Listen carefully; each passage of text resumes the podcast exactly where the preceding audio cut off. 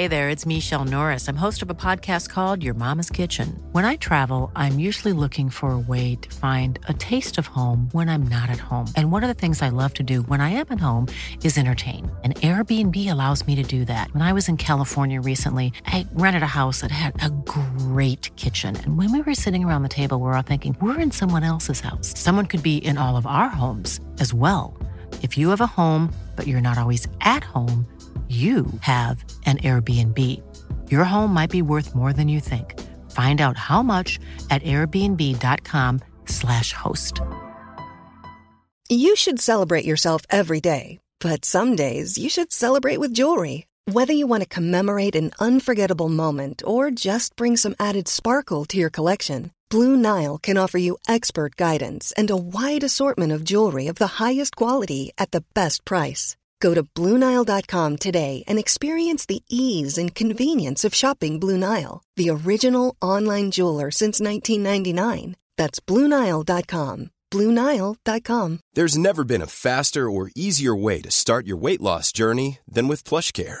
PlushCare accepts most insurance plans and gives you online access to board-certified physicians who can prescribe FDA-approved weight loss medications like Wigovi and Zepbound for those who qualify. Take charge of your health and speak with a board-certified physician about a weight loss plan that's right for you. Get started today at plushcare.com slash weight loss. That's plushcare.com slash weight loss. plushcare.com slash weight loss. Vi har redan nu fått eh, alarmerande uppgifter om att eh, podden är hälsoskadlig. vi, kan sluta illa om man följer oss. nej, men vi, vi träffade på Linnea och Lina som jobbar åt Hockeyallsvenskan igår, eh, när vi var i Jönköping för eh, HV71 mot Björklöven. Och då berättade Linnea att eh, när hon satt och lyssnade på vår första podd, det här är Linnea Lejonklo som är alltså marknadschef för Hockeyallsvenskan, eh, då krockade hon med bilen. Och, och det här låter ju inte som något man ska skratta åt såklart, för hon, hon gled liksom bokstavligt taget in i en lastbil. Det gick ju bra. Det gick ju väldigt bra. Vi börjar i den änden så inte folk nu Nej. krockar för att vi pratar om Nej, de det vill vi verkligen inte. Men, men eh, så att eh, häpnadsväckande konsekvenser kan det här få. Men jag försökte ju skylla det här på att du har sagt någonting kan, konstigt där. Inte alls omöjligt, men eh, jag tycker att du bär ditt, det, det delade ansvaret. Kan vi Ja. ta den smällen båda två när fakturan kommer från försäkringsbolaget? Så ska- vi göra. Eh, men men eh, uppmaning där hemma, att håll i ratten, att det, det kan bli tokigt ibland. Kvart i två, eller vad fick Nej, du tio i två. Tio i två. Tio i två, nej, i Norrland har vi tio i två i alla fall, det kanske är annorlunda. Halv sex här i Skåne. eller vad är det, Småland? Båda händerna ner. Ja men det är lite skön körning. Visst, Ja. visst är det när man sitter och... Jobbigt att det blir sväng i musik om man börjar du, du, du. Ja. ja, någonting om det. Ja men det är intressant i alla fall. Men eh, det gick bra för Linnea, och hon eh, klarade sig, och bilen klarade sig, och eh, allt, alla mår bra. Men Ja, det, och podden har klarat sig. den har ju det. Mm. Eh, så det kör vi igång. Det gör vi.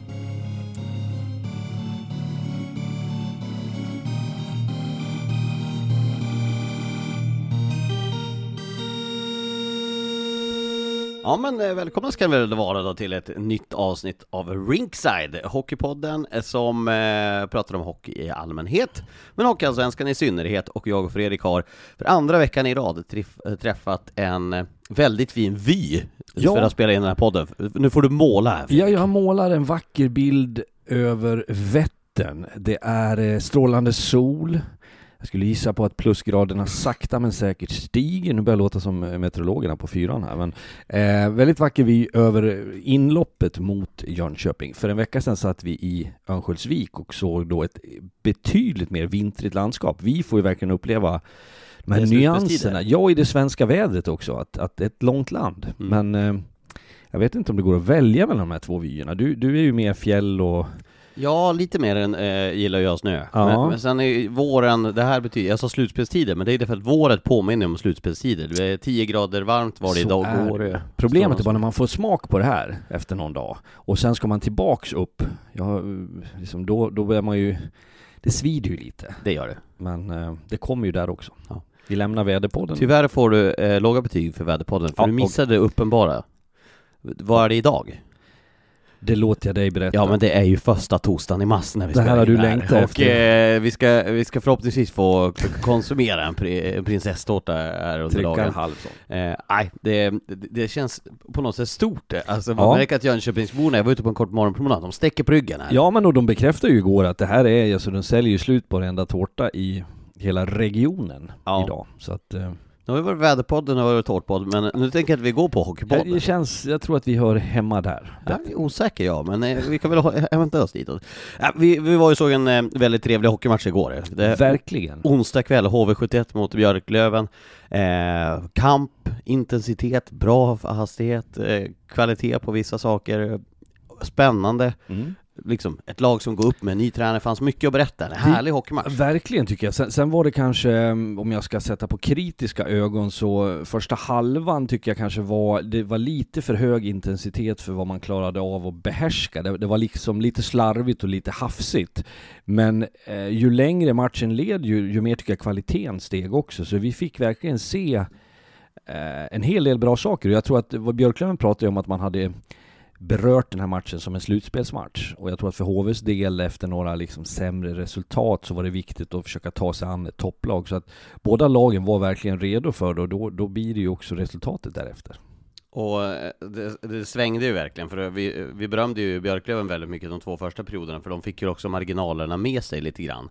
Men eh, vad ser vi om det här nya Björklöven? Ska vi börja där, eller vill du börja på HV71? Vi börjar med Björklöven tycker Ja. jag som, så är det ju alltid, du får ju en ansiktslyftning när du byter tränare, vare sig du vill eller inte så, så finns ju en, en effekt eh, som, som kommer. Sen brukar det där kunna plana ut lite grann, men det blir alldeles uppenbart att Björklöven har valt att Eh, för när vi pratar med Viktor Stråle före eh, så, så är ju han också noga med att han kan inte kliva in och ändra allting. Det är liksom för kort tid kvar på det. Och då måste man välja vilka områden är möjliga att påverka och hur kommer man åt det. Och det är ju spelet utan puck, det är defensiven. Där tycker jag att det var ett helt annat Björklöven igår och jag kanske har känt, jag vet att jag har uttryckt för några tillfällen om inte här så på Simor i alla fall, att jag tycker inte att Björklöven har fått effekt på sina spelare. Man har eh, sådana som kan åka mer skridskor, sätta mer press, vara lite aggressivare. Jag tycker man har varit för passiv i Björklöven. Nu ser jag en annan tendens.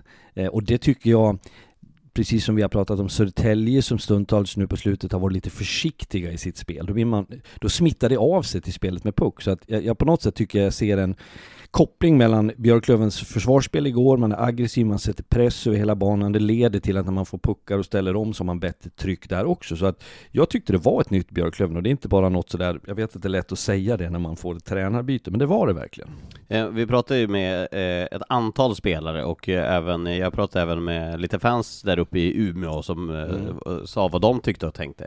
Och, och det, både det som framförallt alla berör, det är ju det att ja, alla spelare får vara aktivare liksom. Ja. De, de, det är fram i pressen, som du var inne på, stänga korridorerna, så, ja, det behöver vi inte förklara här, men i, på TV behöver vi göra det.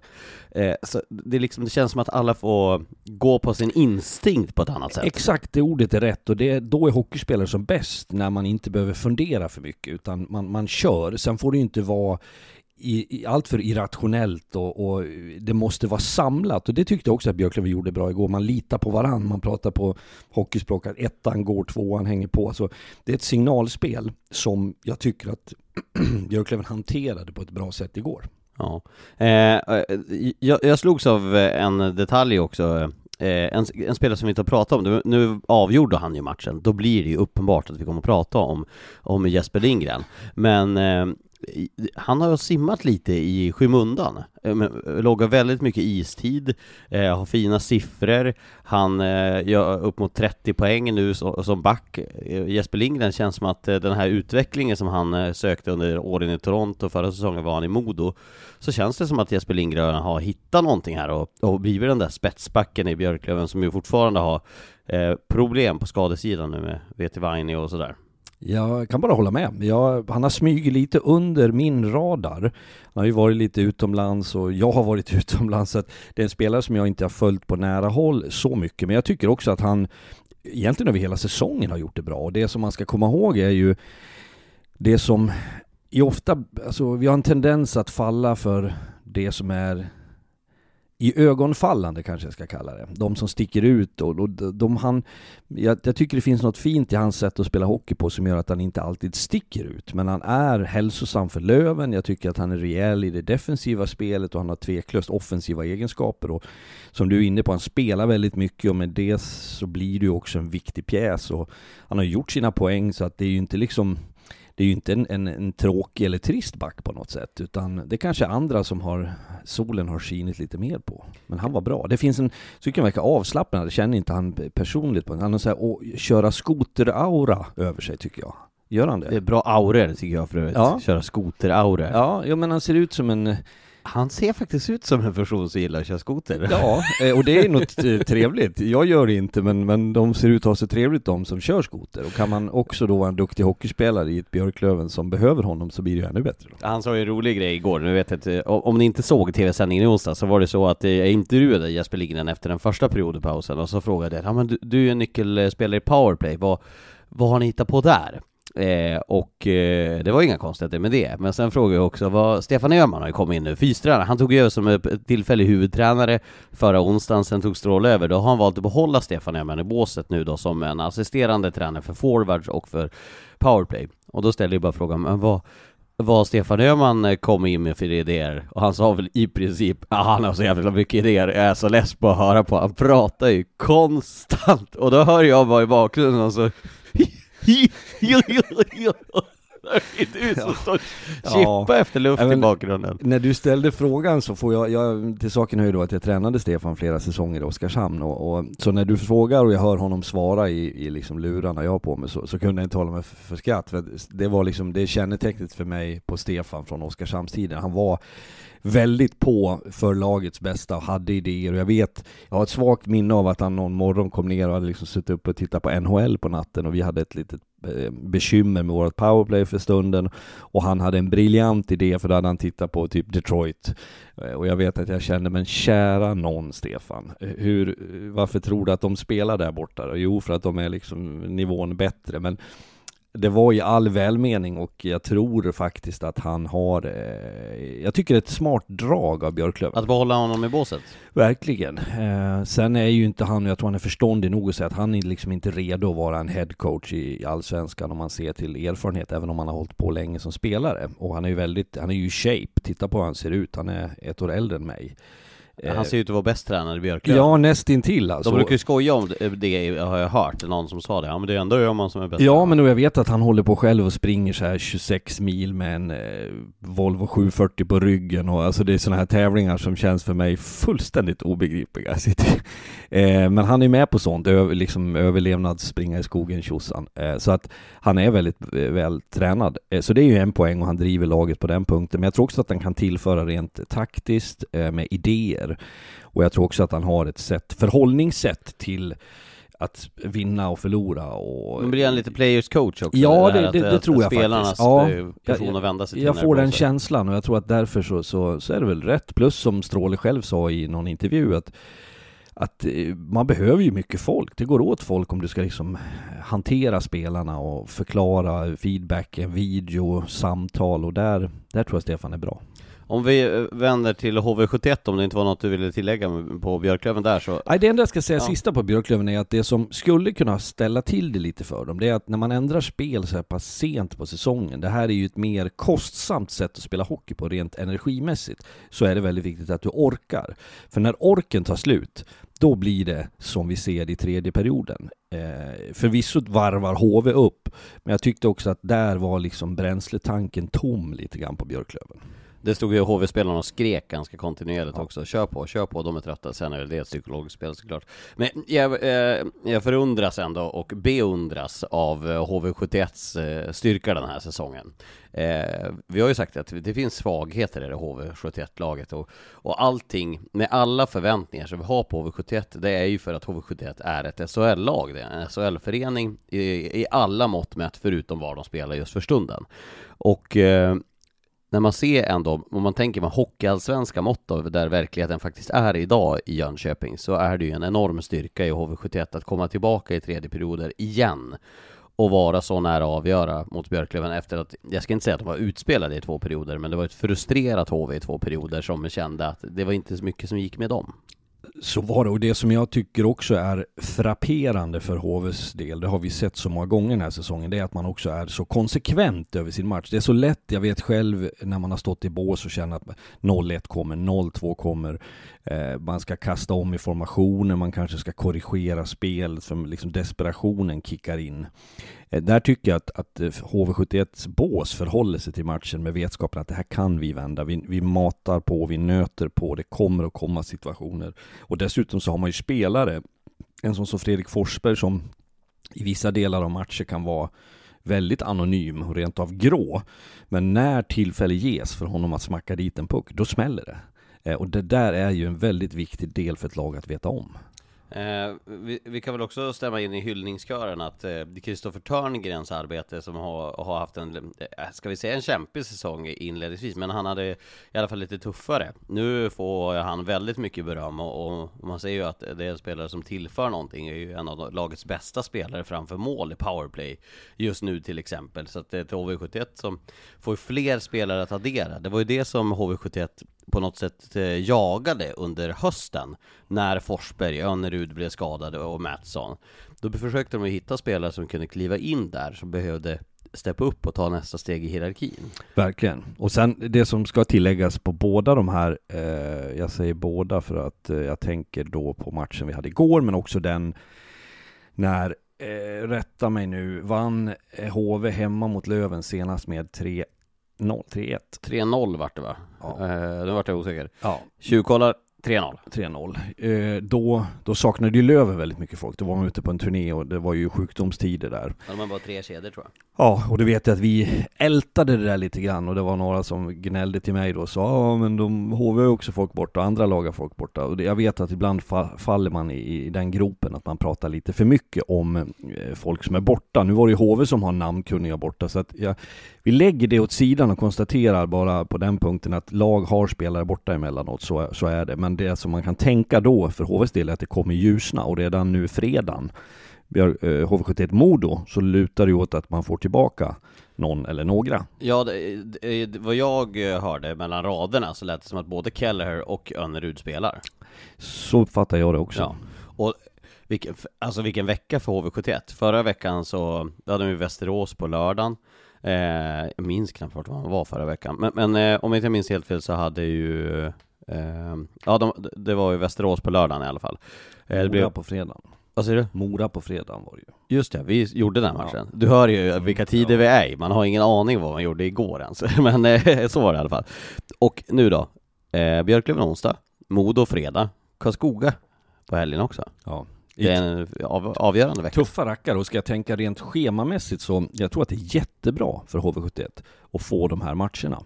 Eh, för att då är det på något sätt förberedelser inför slutspelet där du inte kan gå ner på halvfart. Du, du, du klarar inte av att prestera om inte du liksom är påslagen fullt ut. Så att eh, för HV71s del så är det perfekta förberedelser inför slutspelet.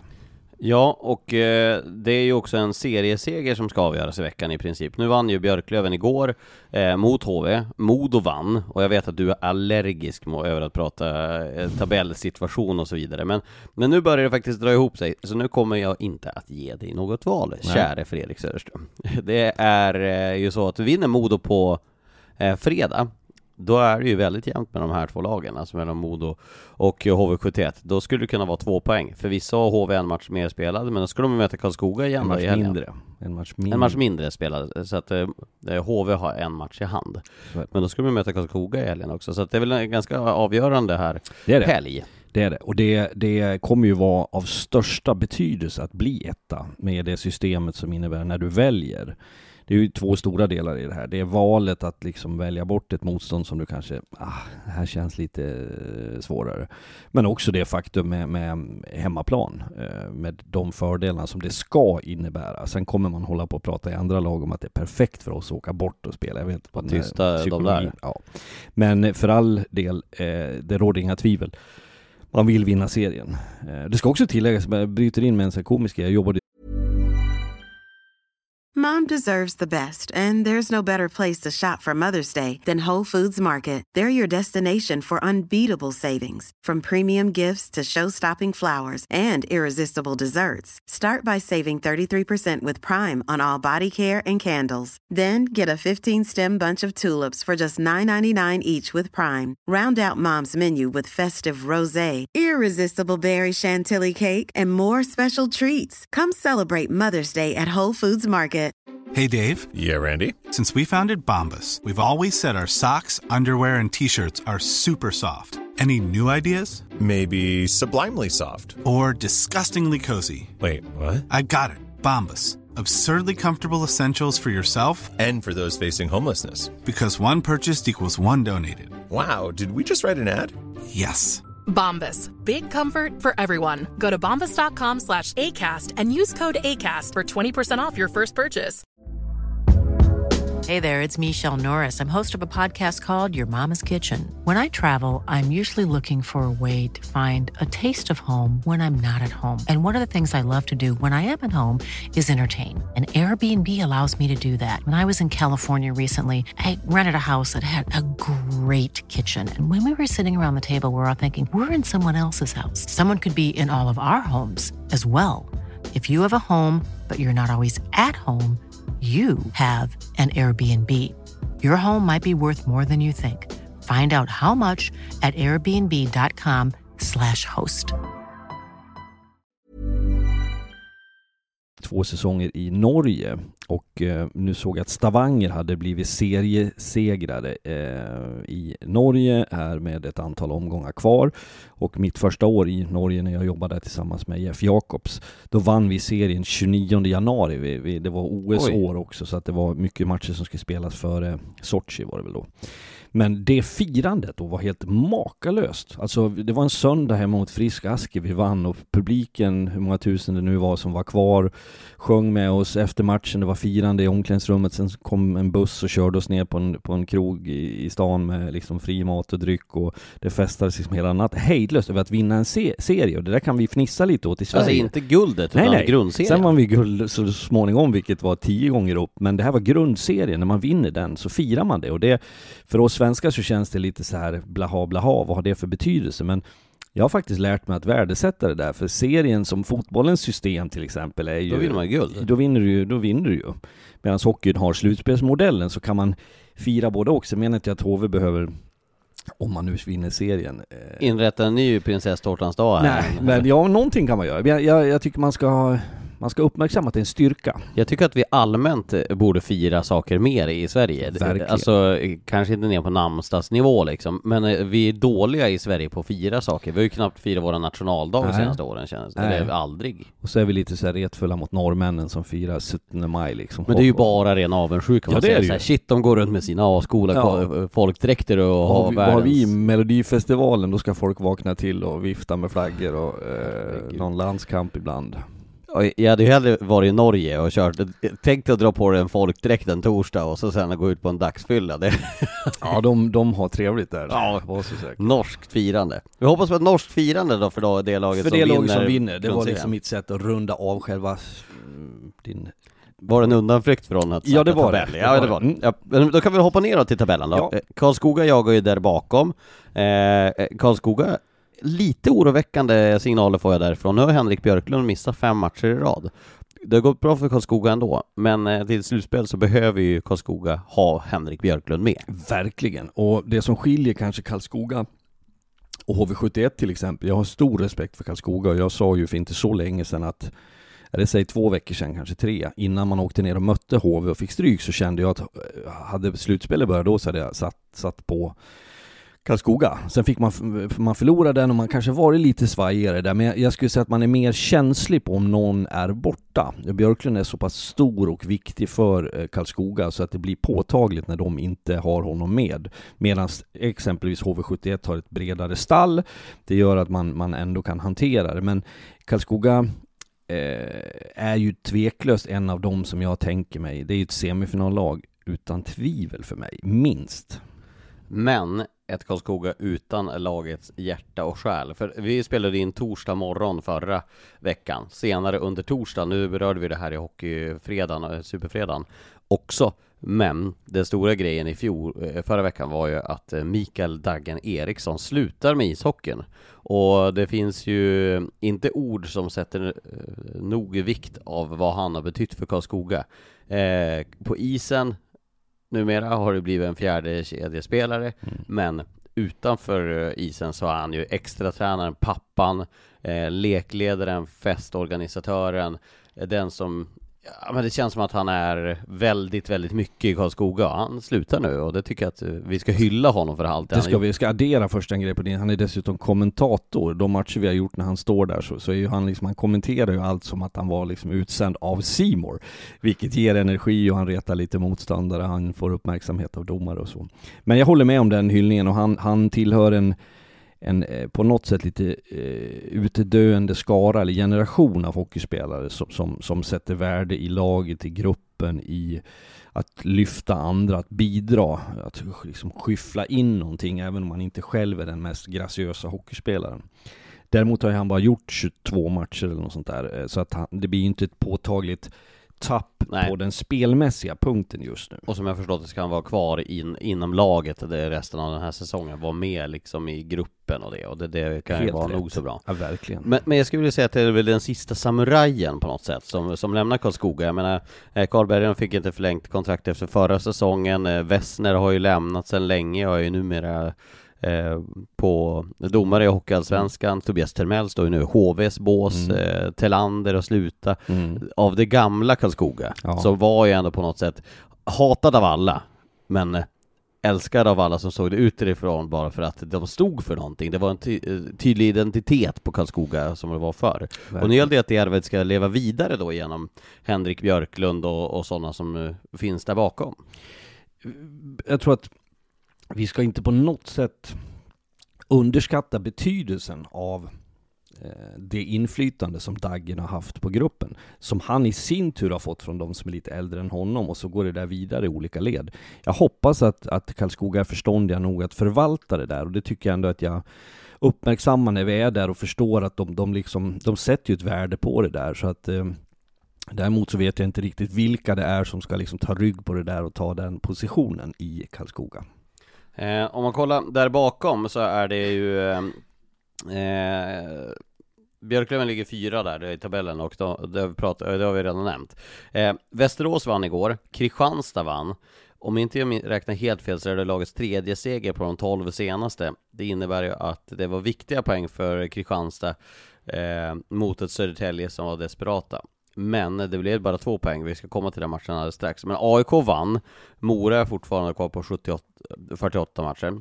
Så bara för att redovisa, kring strecket så har Västerås 77 poäng. Tre matcher mindre spelade än övriga. Sen har Kristianstad 74, AIK 74, Mora 71, Västervik 71. Det där är ett getingbo. Det är en plats som Ver det är upp. Verkligen, och vi hade ju en kort summering efter sändningen igår som skulle ut i sporten eller vad det ja. var där vi där vi också kan se det lite olika. Harald och jag tänkte och tyckte lite olika. Båda är väl överens om att Kristianstad ligger pyrt till. Ja. Det började du prata om i november, så ja. det ska jag ju ge dig. Men... det, eh, bara för att förtydliga, Kristianstad har ju varit ett rocklag. De har ju verkligen charmat oss, men, men mycket av det som charmade tycker jag inte riktigt finns kvar. Eller det syns inte på lika sätt, det blir inte li lika uppenbart. Men eh, Tippar du att Kristianstad inte grejer den platsen? Som jag, som jag ser det nu med, med så, så, tycker jag att det står mellan att AIK och Mora faktiskt smiter förbi Kristianstad. Eh, AIK har eh, tre poäng mer än Mora, man har bättre målskillnad.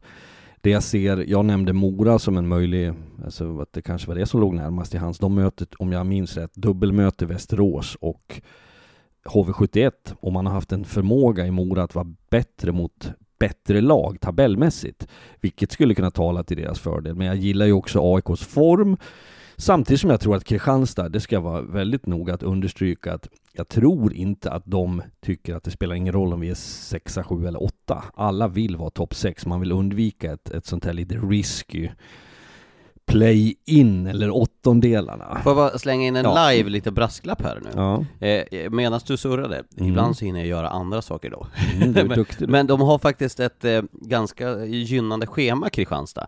Eh, vad säger du om det här? De har alltså kvar Södertälje borta på fredag som de mötte i, i, igår onsdag. Eh, de har Tingsryd borta la, eh, på söndag. Sen har de Almtuna hemma onsdag. Och sen avslutar de alltså med sista matchen eh, genom att spela Vita Hästen borta. Lag- Man möter lag 10, 11, 12 och 13. Ja, och det kanske talar för Kristianstad Det då. gör, borde göra då, samtidigt som de lagen Slåss. slåss med näbbar och klor för att undvika kval och kanske möjligheten att nå ett, eh, en åttondel. Men, men eh, både Mora och AIK är på gång, det har vi ju kunnat konstatera sedan länge. Mora var ju en hårsmål, eller han var väl en, eh, att Axel, Bre- Axel Bergqvist hade lärt sig att stanna från att vinna mot H71. Den här stoppsladden Ja, där i, ja. i förlängningen. Han, han, han var ju som han Luis Mendoza i Mighty Ducks när han, han åker jättesnabbt men han klarar inte av att stanna. En open eyes där. Ja. Eh, nej men det, vi, det jag kan summera det här med det är att, för att det du också säger, det vill jag vara påpeka att det går att vrida och vända. Jag nämnde att Mora då skulle vara gynnad av att möta topplag Ja. och så vänder du på det och säger att Kristianstad ska vara gynnad av att möta lagen som är sämre. Det går ju naturligtvis att se det här på vilka sätt som helst och det som är så blir så tydligt, det kommer alla att upptäcka igen, för man går i den här fällan, man drar slutsatser för tidigt, sen sitter man där och säger ja just det, det är slutet, skedet av en säsong. Det är ju att det kommer in andra parametrar, man, man slåss verkligen för sin, sin, sin liksom hockeymässiga existens och man vill uppnå drömmen om ett slutspel eller undvika ett negativt kval eller vilka faktorer du än har så, så, vaknar någonting mer till liv i den här delen av säsongen som gör det mycket mer oberäkneligt. Så att det jag egentligen bara säger det är att jag kommer med stort intresse att följa det här och vi jobbar ju nära så att vi har ju förmånen att vara runt de här lagen och se så att det är mycket spännande eh, avslutning på säsongen. Ver verkligen. Eh, du var inne på att Mora har tufft avs, avslutande schema. Det har de ju sannerligen. De eh, möter ju alltså Västerås två gånger. Sen i sista matchen då, där det allt kanske avgörs. HV borta. Fast samtidigt kan ju HV vara klara för slutspel och bara vilja slänga ut den matchen. Så kan det vara. Det finns många parametrar där. vrida och vända på allting. Det går det verkligen. Eh, Västerås då, vi, vi måste Mm. ju prata om elefanten i rummet och det är ju om att L- i måndag så dömde tävlingsnämnden Västerås då till att bli av med fem poäng för att de använt eh, sina nyförvärv eh, Grebenchik och, och eh, Arkalov i för tidig fas. De var alltså inte spelfärdiga och hade inte fått eh, Ja, de var inte De hade inte papperna på plats helt enkelt. Eh, och eh, för, för att förklara den här eh, historien bara kort då för de som inte eh, har varit med om vad som har hänt Så var det så att Västerås eh, kollade när de hade skrivit på med sina nya spelare Vad är det som gäller? Det finns någonting som heter EU eh, EU Green Card eller EU-pass eller någonting liknande sånt som gör att du får spela och tävla under internationell tävling eh, Och då får du göra det så länge det är inte mer än 90 dagar Eh, då vände sig Västerås, som jag har förstått det, då till Migrationsverket och eh, via Migrationsverket så hade en avdelning där då flera personer, olika varav någon var en expert, eh, hade uttalat sig och sagt till Västerås att nej men det är lugnt, det, det faller in under det här EU att eh, ni får nyttja dem så länge de inte är i landet i över 90 dagar. Eh, då, samma information fick även eh, Timrå som skulle använda sitt nyförvärv mot Luleå borta. Eh, efter matchen så, så visade det sig att eh, Södertälje då har gjort en grävning i det här i, och hittat liksom att det där faller det inte alls under utan de har inte spelat med rätt papper och de var inte spelklara helt enkelt. Då har Södertälje anmält eh, Västerås för felaktigt eh, förfarande och eh, sen så har eh, då tävlingsnämnden tagit emot bevis där Migrationsverket har skickat en skrivelse till Västerås via mail där de har bevis på att ja men vi har mottagit, ni har fått fel information. Eh, men här kommer då trixet. Eh, har Västerås gjort fel genom att eh, lita på Migrationsverket och inte eh, litat på tävlingsbestämmelserna? Och vad är det som gäller där? Eh, tävlingsnämnden har ju då dömt att eh, eh, Västerås har reagerat eh, felaktigt helt enkelt. De, har- de har litat på en myndighet som hade fel och då är det myndigheten till slut som ändå har rätt att eh, göra som de vill, även om de har sagt att det var rätt. Det där var en lång story. Den blev jäkligt lång. Den blir så och den, den, det, är ju- det påvisar väl kanske också hur komplicerat sånt här kan vara. Jag vet av egen erfarenhet genom åren med utländska spelare att det har varit en procedur som eh, förr var ganska enkel för då hade klubbarna kontakter med folk på, jag tror att det är Migrationsverket och någon som bara satte en stämpel om jag ska prata billigt och sa bara kör. Sen kom ju, jag vet att det var i den här vevan med den flyktingkrisen, vad är vi då, mitt 2015 eller något sånt där, Där i va? krokarna, 14, Ja, 15, så, så vart det ju mycket mer komplicerat saker och ting av förklarliga skäl och det tog längre tid att hantera sådana här ärenden. Så att proceduren i sig är svår. Eh, jag bara förhåller mig till att om regelverket säger en sak, det, det, så tror jag att det funkar. Jag, det var det någon som förklarade för mig att du kan ringa till en myndighet och ställa en fråga och någon svarar. Om den personen har svarat fel eh, och det ställs på sin spets så har eh, du ändå gjort fel. För du har ringt och frågat fel person. Man kan tycka att det låter helt vansinnigt. Men det verkar ju vara något i den stilen som det, har, har, det som har skett i det här fallet. Det är väldigt olyckligt tycker jag när resultat ska avgöras på annat sätt än rent sportsligt. Men jag tänker också att om det finns ett tydligt eh, regelverk inom idrotten och hockeyn så är det ändå det som till slut måste vara det som gäller. För annars kommer vi kunna börja skruva på det här på ett eller annat sätt. Det är min känsla, men jag är för oinsatt i detaljerna och jag kan förstå frustrationen hos Zetterberg och Västerås att men för fasiken, vi har ju liksom ställt frågan till en människa som har svarat. Men det är bara att gå till individen om man ringer Skatteverket eller eh, sjukvården och, och ställer frågor så kan man få olika svar, vilket är ju i sig mm, idioti. Mm. så funkar det, för att det sitter ju människor där som kanske inte vet och människor kan som allt. inte vet och kan Ja. allt, ja. Ja, men eh, så är det och eh, som jag har förstått så, så har ju Västerås överklagat det här och då får vi se då vad nästa instans säger helt enkelt. Men just nu i tillfället så har ju eh, Södertälje tilldelats två poäng och en 5-0 seger mot Västerås och Västervik har tilldelats en 5-0 seger mot Västerås och fått tre poäng. Det är ju vad som har hänt rent krasst. Och det för oss då vidare till till den matchen som var igår mellan Kristianstad och Södertälje, där Kristianstad såg ut att vinna den med 2-0. Jag visade dig på min dator, Södertälje hade skjutit 42 skott på mål Mm. utan att göra mål. Mm. Och sen helt plötsligt så kommer ju Södertälje ikapp till 2-2 Förlorar förvisso i förlängningen men det känns ju som ett, eh, en tung poäng de bärgade De har fått de två extra från den här överklagningen till eh, Som tävlingsnämnden Mm. då har eh, tilldelat dem Och nu är de bara en poäng bakom Almtuna med tre matcher mindre spelade Viktig vändning eller åtminstone kvittering som det, som det blev i Kristianstad. Den poängen, du har helt rätt. Dessutom tänker jag en grej. Visst blir det så här att då istället för att förlora 3-2 straffar eh, i Västerås så vinner man med 5-0. Ja, De målen kommer också ha betydelse. ja det blir eh, en målskillnadsaffär för just nu har Södertälje bättre målskillnad än Almtuna en poäng mindre. Jag ska säga att de har två matcher mindre spelare. Ja. De tog ikapp henne igår för Almtuna spelar inte onsdag. Ja.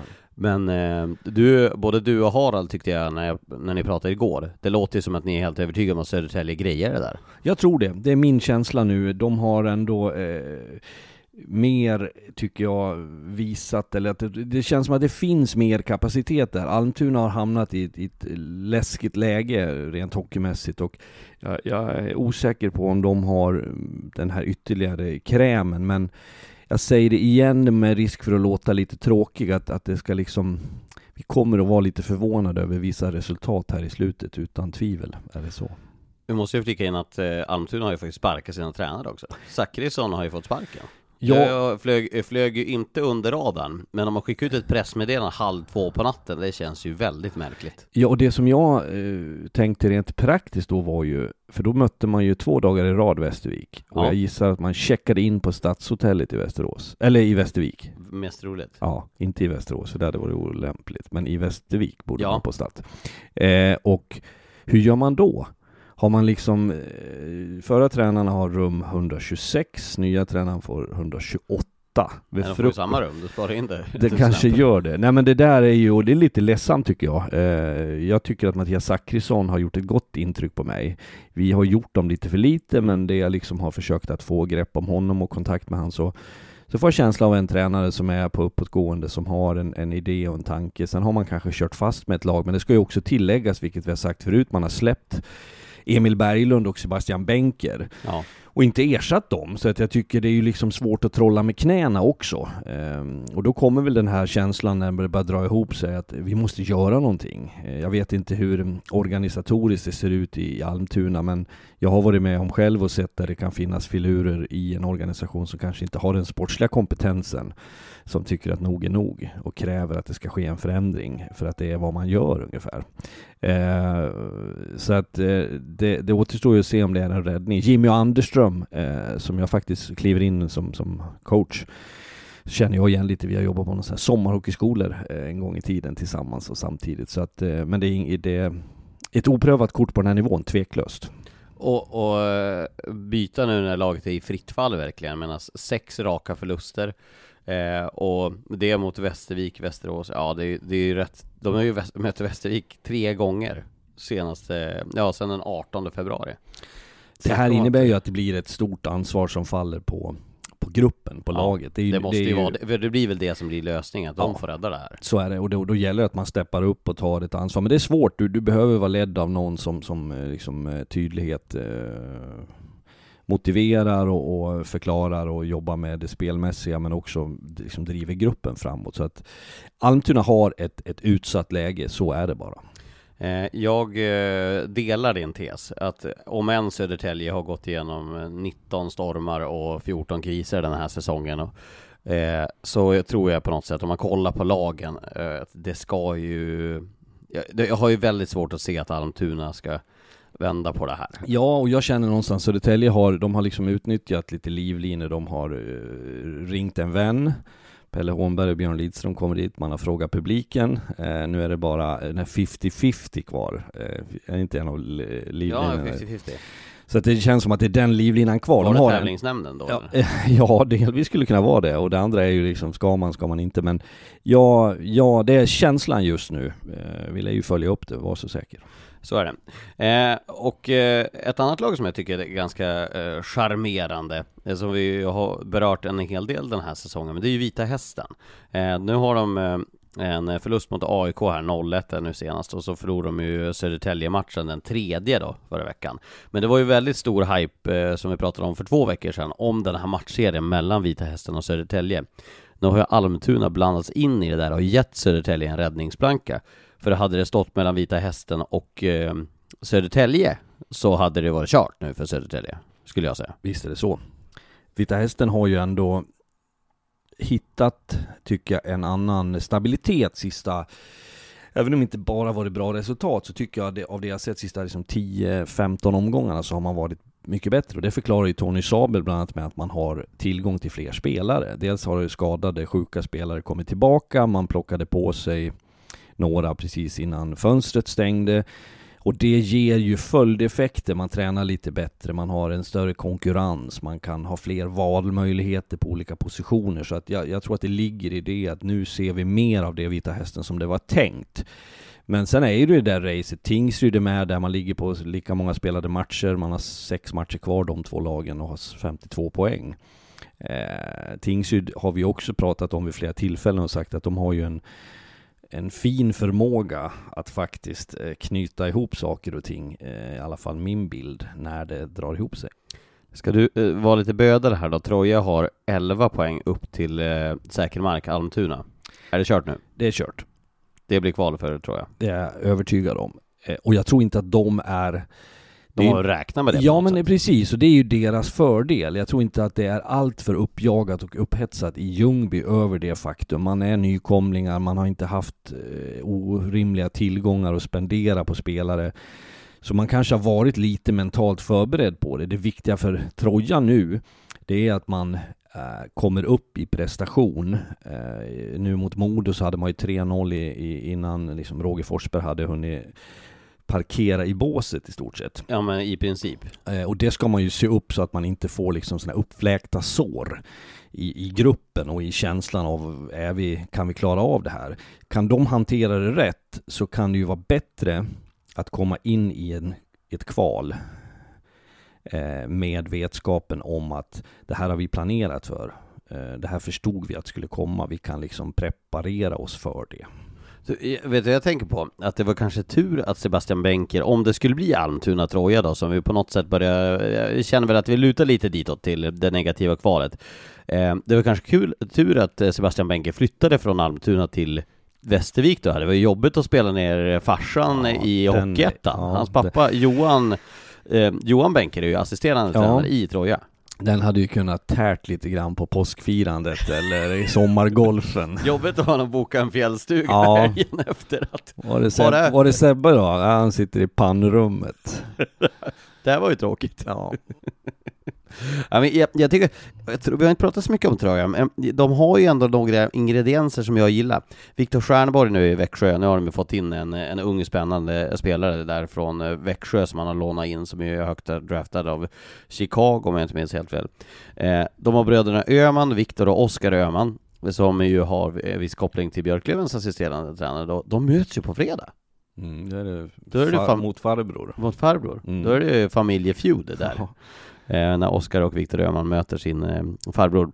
Eh, och sen Hilding har ju dragit ett tungt lass nu. Nu har det väl trubbats av lite grann där. Backsidan Kevin Karlsson, spännande. Han tror jag många kommer kolla på inför kommande säsong. Det tror jag var inne på tidigare också. Dennis Fröland tycker Ja. jag har varit en bra spelare för Troja. Gud, Jag- vad glad jag blir att du, du pratar om så här offensiva. ja. Nej men och sen har ju de, vi pratar Arvid Degerstedt som kom in från, från Borlänge i Hockeyettan och liksom vräkte in poäng. Eh, ja men Troja, Troja är ett väldigt bra division 1-lag. eh, men inte ett hockey allsvenskt lag. Men titta på tabellen, jag tar inte någon ära och heder av Troja på något sätt, men det som man hade önskat sett med Troja-ögon var ju att de hade stabiliserat sig, att man liksom någon placering upp så att man inte var indragen, för med det här systemet vi har idag så är det ju obönhörligen så att ett lag ska ur. Mm.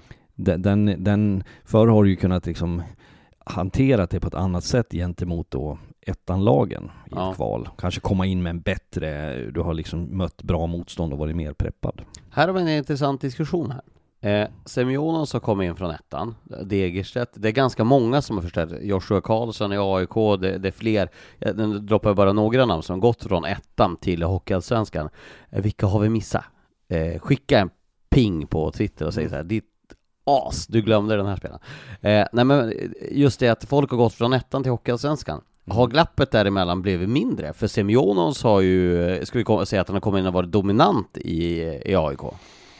Verkligen levererat åtminstone. Eh, och det här är ju, tycker jag, intressant. Eh, det finns ju, har ju funnits en eh, tendens att gärna plocka utländska spelare. Vi diskuterade ju där inför när fönstret stängde, att man liksom letade eh, världen över när många division 1-spelare har visat. Eh, en av de första som vi uppmärksammade när det var påtagligt var ju Olle Strandell i, i Mora Ja. som vi såg då han var på lån från, Från Borlänge. Som Arvid. Så vart, han, ja, så vart han kvar och så har han skrivit två nya år om jag läste rätt. Eh, så det funkar, men titta även uppåt. Titta hur många allsvenska spelare som faktiskt gör det väldigt bra i SHL. Eh, eh, Linus Karlsson, Patrik Karlqvist, Ros. Det går att hitta, så att jag kanske tänker så här då att det, he, hela, hela hockeyn har buntats ihop lite grann. Jag vill inte säga, ja, SHL kanske har blivit lite sämre då.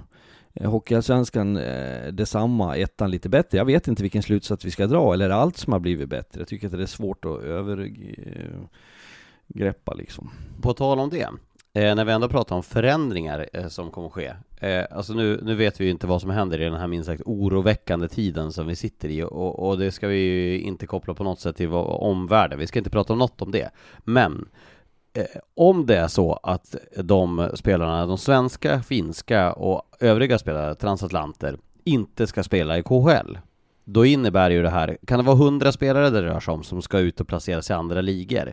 Varav vi får räkna med att ett gäng av dem kommer hamna i Sverige, många kommer säkert hamna i Schweiz, för de har utökat i Schweiz, va? det här kan ju du bättre, de har fler eh, importer nästa säsong. Det kommer att bli, jag, jag vet faktiskt inte om man har än spikat det där fullt Men det är, ut. det är sagt så Ja, det är de tendenserna man, det, Tidigare har det varit fyra i högsta ligan och två i andra ligan. ja. Men här ville man gå upp till sju respektive fyra eller fem för andra ligan. Det är en ganska stor förändring. Det är det. Och det kommer ju, det, det hotar ju så att säga de schweiziska spelarna, vilket till, fick till följd de här protesterna vi såg förra året som var nästan lite komiska. Då, då första minuten av matchen i, i en omgång så, så satt spelarna i båset med några liksom skyltar. Det här är helt så. Ja, Vad de vägrar spela? Ja, man skulle liksom gemensamt protestera mot de här tankarna. Men det komiska på det här är att lite längre bort på bänken så satt ju någon svensk och det satt någon finne som liksom, oh, oh, är det, shit, det är ju vi faktiskt som är problemet. Man tycker att de kommer dit och tjänar pengar och liksom tar. Sen är ju problemet i Schweiz i sin tur att de schweiziska spelarna tjänar ju oerhört mycket mer pengar eh, jämfört med svenska spelare i svenska ligor. Men det har ju också att göra med att ekonomierna ser olika ut. Så du att, brukar eh, säga att man, man tjänar över, alltså en busschaufför tjänar typ dubbelt. Ja, alla, alla i Schweiz tjänar, en, en normalt jobb så att säga, har dubbelt så mycket betalt. Men då ska du också ha klart för att det kostar kycklingfilé 4, 450 kronor i, i, i kilot. Eh, en sjukförsäkring. Kostar det det? Ja, ja, ja. 450 spänn? Ja. Sen kan du fynda någon gång, det gjorde jag någon sån där. Röd lapp och salmonella? Ja men då, ja precis, men då fick du sitta på toa i två veckor, men då kostar den bara 299 liksom. Eller Vilket beef gap. 600-700 kronor, alltså det är hiskeligt dyrt land att leva i. Eh, sjukförsäkringar betalar du själv, även om du som, som importspelare, tränare har mycket hjälp med sånt, men, men för det vanliga schweiziska folket. Så att det är byggt på ett annat sätt, så det, det blandar man lätt ihop. Ja, men, men, men det, det vi ville komma till med det här var, vi hittade ju ett sidospår där, eh, men det kommer att bli fler spelare om, om, om världsläget fortsätter som det är. Vi ska inte prata för mycket om det. Men då kan det ju hända att det kommer massa spelare som ska Verkligen. placeras någon annanstans. Det skulle ju höja statusen på svenska ligan, det skulle Skulle- höja statusen på den schweiziska ligan. Tveklöst. Men det skulle också innebära att det blir där kan man ju se, är det, är det färre då spelare från Hockeyallsvenskan som har möjlighet att ta klivet Ja, upp? för det är ju den frågan som jag tänkte leda det till. Ja, och skulle det gå åt det hållet som vi nu spekulerar så kommer det ju snarare vara tvärtom. Att det kommer tryckas ner spelare som inte får kontrakt i SHL som hamnar i Hockeyallsvenskan. Det här höjer ju kvaliteten på samtliga ligor, men det stänger ju också dörren för några potentiellt duktiga spelare som skulle kunna kliva upp ett snäpp. Ja, verkligen. Du, eh, jag tänker det, alltså nu, nu, nu, vi, nu viker vi över på SHL här, men det är ju av anledning till vad som sker i bottenskiktet. Eh, du ska ju göra SHL-studion ikväll, eh, Yes. åka till Stockholm. Estocolm och I Stockholm. Men snacka om rafflande där om vilket lag som ska spela i Hockeyallsvenskan nästa säsong. Djurgården vann ju nu senast mot Luleå borta. Timrå åker och slår Malmö med 3-0. Det innebär att Malmö har 48 poäng, Timrå har 47 med en match mindre spelad. De har eh, två poäng nedåt till Djurgården som har 45. Det är liksom det facit som är med nio respektive tio matcher kvar att spela. Och jag vet ju att schemat här i de kommande dagarna, Linköping på söndag ska jag åka till Linköping och kommentera Linköping-Malmö. Eh, Brynäs är ju definitivt inte exkluderade från det där.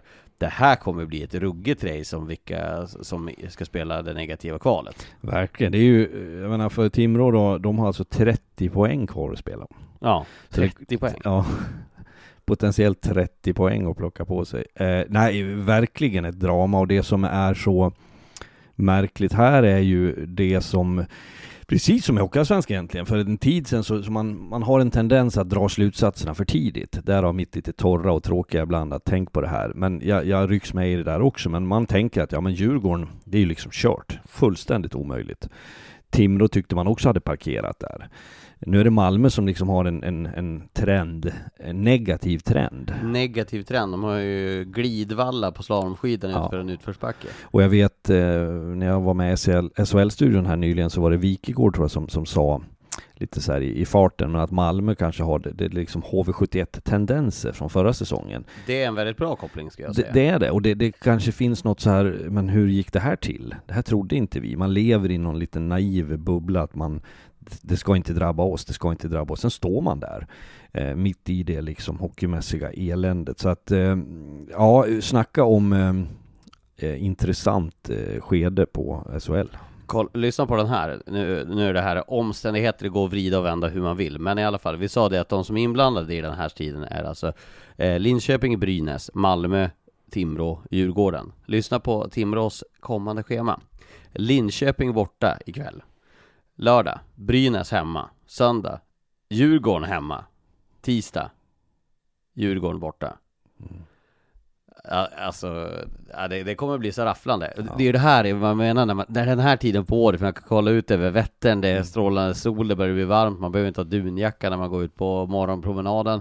Och så börjar det vara det här, vi spekulera, och ska de greja det? Och vad händer det? Och varenda match eh, liksom är ju så här: shit, de vann! Nu är de med skiten, de andra. Och med mina hockeyögon så tittar jag också på eh, karaktären hos gruppen grupperna, alltså lagen som sådana, individerna, vilka spelare liksom älskar det här läget när du är trängd i ett hörn, vilka kan kan steppa upp lite till och leverera nu när det liksom behövs som mest. Vilka tränare har förmågan nu att att plocka fram ett sista S ur rockärmen. Ehm, jag tycker det är en, en oerhört intressant del. Den här vardagen som, som för så är en hockeysäsong uppbyggd, man är, har förväntningar inför en premiär. De första 10-12 omgångarna så är det ren inspiration. Sen går ju det där över i någon slags vardag. Det är fullt rimligt att det är så. Och sen börjar det lyfta lite grann och man pratar om att det börjar dra ihop sig. Nu är vi ju där det är. Det, det sista liksom skedet med de här, i SHLs fall då, tio matcher kvar. Det är onekligen spännande. Eh, jag tänker att vi, vi, vi, ska bolla upp fredagen här lite grann, för det är några lag vi inte har pratat så jättemycket om idag, eh, men uh, fredag kväll, tänk dig det här. Fullsatt Huskvarnagården. HV-låten öppnar upp inför mm. 7000 drygt där väl som de släpper in nu i Husqvarna Mm. HV ettan, Modo tvåan i tabellen. Och de matcherna som har varit, för vi har ju varit inne på att två av de kanske bästa matcherna för säsongen var ju den, nu var ju du sjuk den matchen, den ena, mm. som var här när det var HV-Modo. Men sen var du med i Jönköping, nej Övik. Ja, ja. Den är jag borde ju lära mig det här, men vi är i ja. Jönköping ja. nu, förra veckan var vi i Övik, men förra gången det var i Övik, vilken match det var! Verkligen, och det var, det var en, en eh, ögonöppnare för mig i den mening att jag tyckte Modo kom åt HV.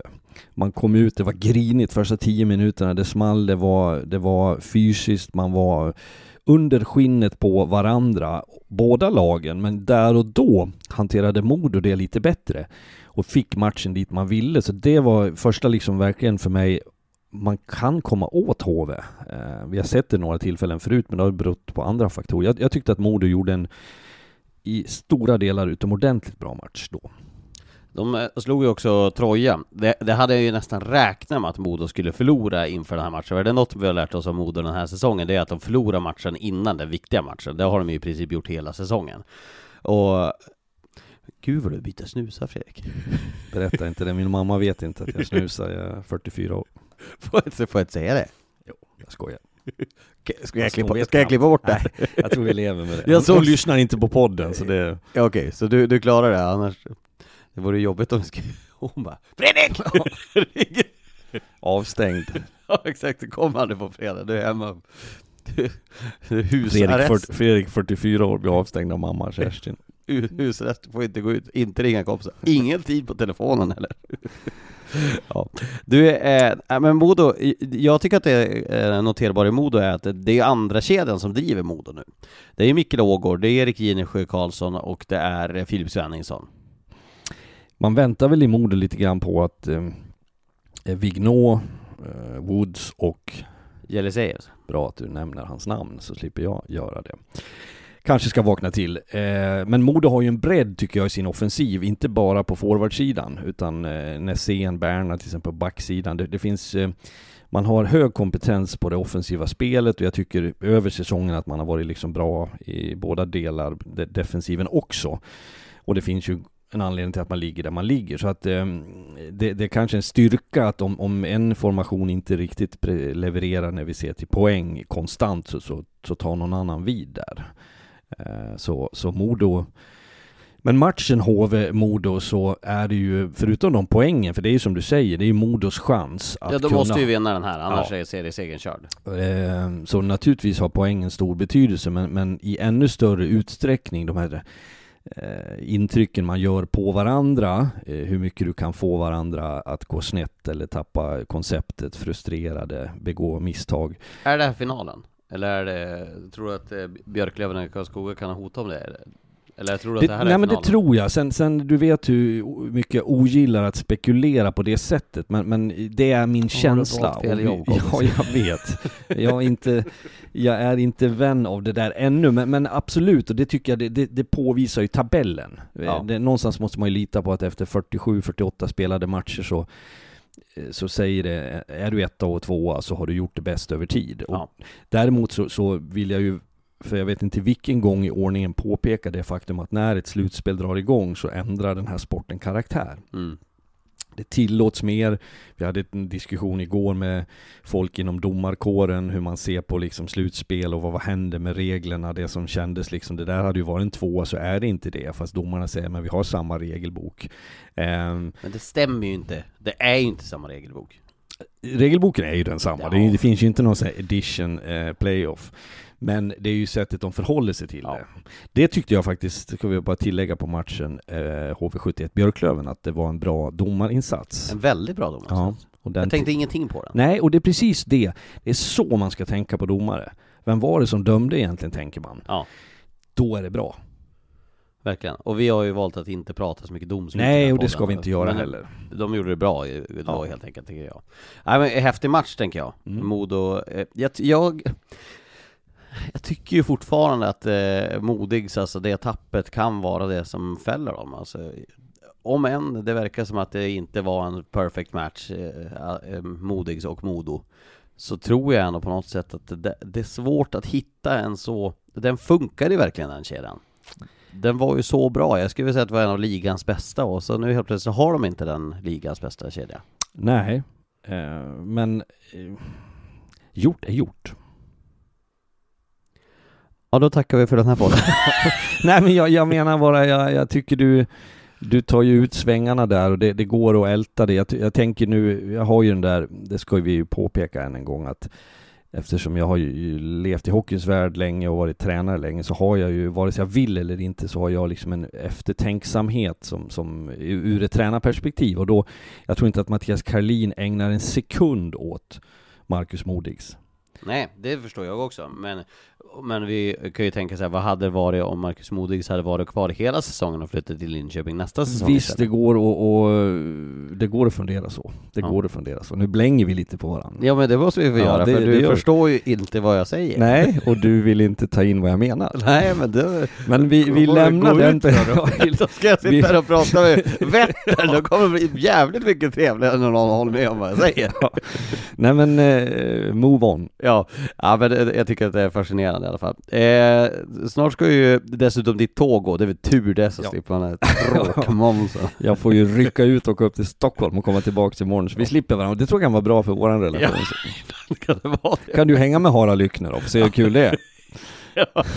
alltså Harald, jag ska inte förvåna mig om han kommer nere och går till värmningen. Ja, han ska ju gå, gå till träningen. Ja, det hade jag gärna gjort också, men... Eh... Men kan du, kan du förklara för mig, varför går man och ser en hockeyträning? Ja, men det är där du ser, det är lite som sådana här som... Är det inte det du vill slippa? Nej, det är det jag saknar mest.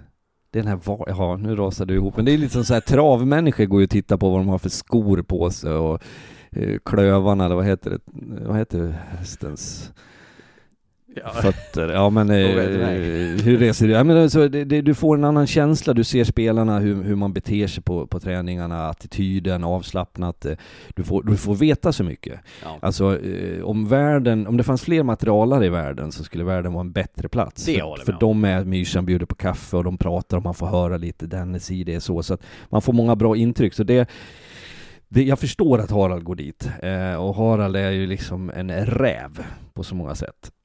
Eh, och där får han så mycket info. Utveckla det lite grann. Ja men alltså han har ju varit med länge. Vi, vi skojar om Harald ibland och det gör ju för ibland. att vi tycker så mycket om honom. Ja. Eh, och jag har stor respekt för hans, han var ju en fantastiskt duktig hockeyspelare en gång i tiden och sen varit tränare väldigt länge. Han har ja, varit med. Tio SM-finaler. Ja. Tio SM-finaler. Det är inte många som har det. Nej, det är eh, respekt. Ja, verkligen. Men sen kan vi ändå vara på och hacka lite på honom och det, det tycker kan vi, vi säkert. Annars kommer vi inte att göra det längre, för då blir det inget kul. Nej, och du har ju erbjudit honom att vara med i nästa veckas podd. Ja, nästa vecka tänkte ha Och då var han tveksam. Det var bara för att han skulle vara lite dryg. Men då sa jag Tobbe Karlsson kan vara med istället. Ja, kommentatorn. Och då då snabbt bytte han foten. Ja men det kan jag nog klämma in där. Annars vet han att det blir dartkastning med vassa knivar mot Haralds rygg.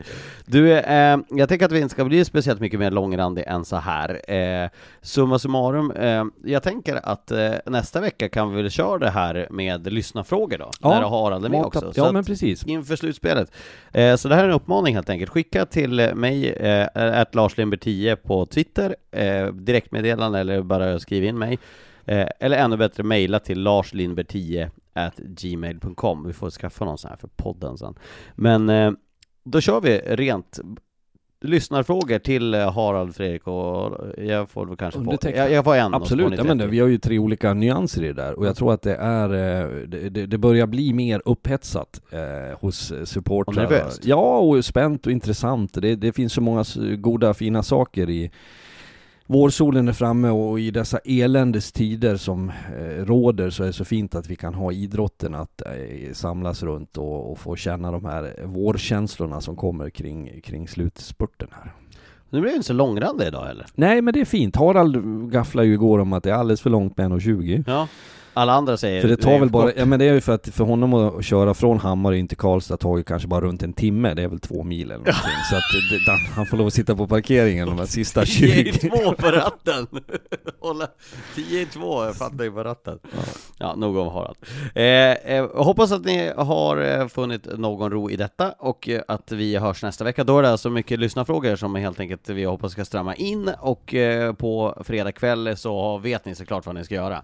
Det är taco, chips, dipp, eh, resten av massipantårtan om ni bor i Jönköping och sen så ska ni se HV71 mot Modo 18.30 på Simor. Strålande. Tack så mycket! Tack, Ses tack. då!